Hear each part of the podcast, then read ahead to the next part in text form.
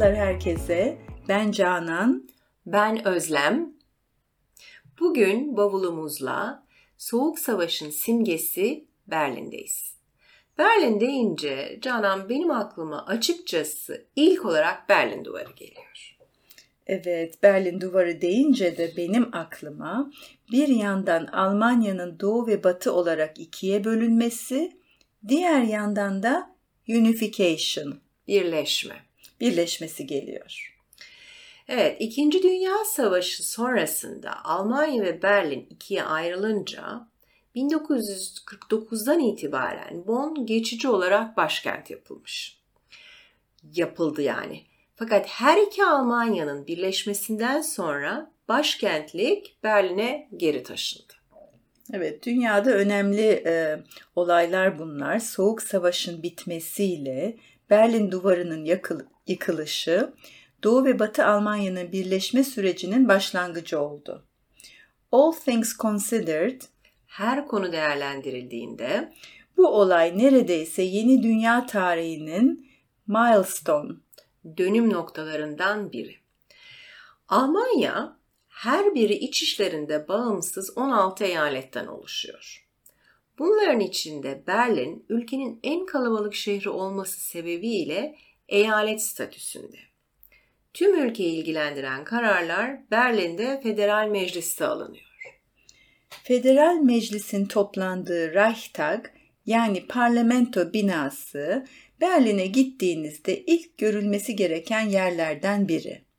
In fact, aslında randevu alarak binanın içini gezmek, meşhur cam küreden hem yapıyı hem de Berlin'i panoramik olarak görmek mümkün. Ve çok da zevkli olur. Ayrıca görülmesi gereken yerlerden bir diğeri de Brandenburg Kapısı. Brandenburg Kapısı 1790'da yapılmış. Soğuk Savaş sırasında Doğu Almanya tarafında kalmış kapı. 12 majestik, heybetli, sütun ve 5 yol oluşturuyor kapıyı. Tam ortasında da, tepesinde daha doğrusu, orta tepesinde dört atlı arabasını süren Tanrıça Victoria'nın imposing, görkemli simgesini göreceksiniz.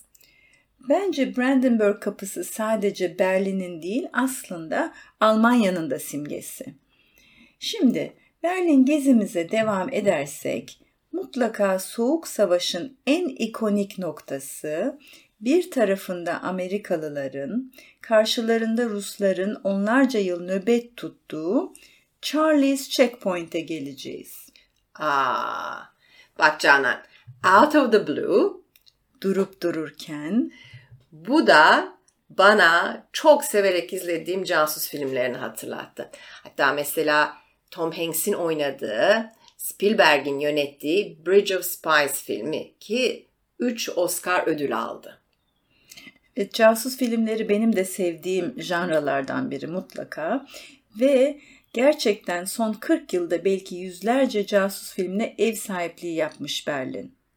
Şu anda da film ve televizyon endüstrisinin Almanya lideri. Stüdyolar, televizyon kanalları, sosyal medya firmaları ve de tamamlayıcı servisler şehrin cash cow, sürekliliği olan büyük gelir kaynağı sektörlerinden bir tanesi. Ya Canan istatistiklere göre yıllık 300'den fazla film ve 1.9 milyar euro gelirden bahsediyoruz. So they make the big bucks. Yüklü para kazanıyorlar. Şimdi baktım da 1.9 milyon değil milyar dedin galiba. Evet. Wow inanılmaz bir şey. Şimdi hep aynı şeyi söylüyoruz. Biraz da kendimi kötü hissediyorum ama gerçekten de Berlin'de bir ziyaretçi olarak göreceğiniz çok şey var. Bu sebeple have your ducks in a row. Planlı ve organize olun. Gezinize şehir merkezine yakın 17. yüzyıl barok ve rokoko stilinin güzel bir örneği Prusya Kraliçesi Sophie Charlotte'ın yazlık sarayı Charlottenburg'den devam edebilirsiniz. Evet ve bu gezmeleriniz sırasında yeşillikler içinde take a break, ara vermek İsterseniz durağınız tabii ki Almanya'nın en büyük kent parkı Tiergarten olacak. Ki olmalı da. Şehrin ortasında 210 hektarlık bir bölge burası. 16. yüzyılda kraliyet ailesinin avlanma alanı iken 17. yüzyıl sonlarında park haline getirilmiş. Şimdilerde ise sadece spor yapma ve dinlenme alanı değil, aynı zamanda başkanlık sarayının diplomatik ve devlet binalarında üstünde olduğu bir merkez burası. Evet, Berlin'in tam tamına ortasından büyük bir bölgeden bahsediyoruz. Hatta e, bunun bir köşesinde yani Tiergarten'ın bir köşesinde dünyada en çok hayvan çeşidini barındıran meşhur Berlin Zoo. Hayvanat bahçesi. Ne ayrılmış. Burada tamı tamına sayısı 20 bini aşan 1500 farklı hayvan species var. Şimdi 1500 farklı hayvan türü de bir ciddi bir rakam bu gerçekten. Dolayısıyla haklı olarak Avrupa'nın en fazla ziyaret edilen hayvanat bahçesi burası. Hayvanlara habitat, doğal ortam yaratmak için büyük bir çaba harcanıyor ve nesilleri tükenmekte olan e, hayvanların üretilmesi için de çok ciddi çalışmalar var birçok üniversiteyle birlikte. Görülmesi gereken bir yer diyorum. Sadece hayvanat bahçesi severler için değil, e, Avrupa'nın bu ünlü noktasını bilmek adına. Aynı zamanda da nesli tükenen hayvanların üretilmesi, doğal ortamları için yapılan çabalar da görülmesi gereken şeyler ve bunlar da örnek oluyor zaten diğer hayvanat bahçelerine, hayvanların Kesinlikle, doğru. geliştirilmesine, üretilmesine. Şimdi Berlin Zoo'yu arkamızda bıraktıktan sonra mutlaka gideceğiniz yerlerden biri de Dünya Kültür Mirası Müze Adası.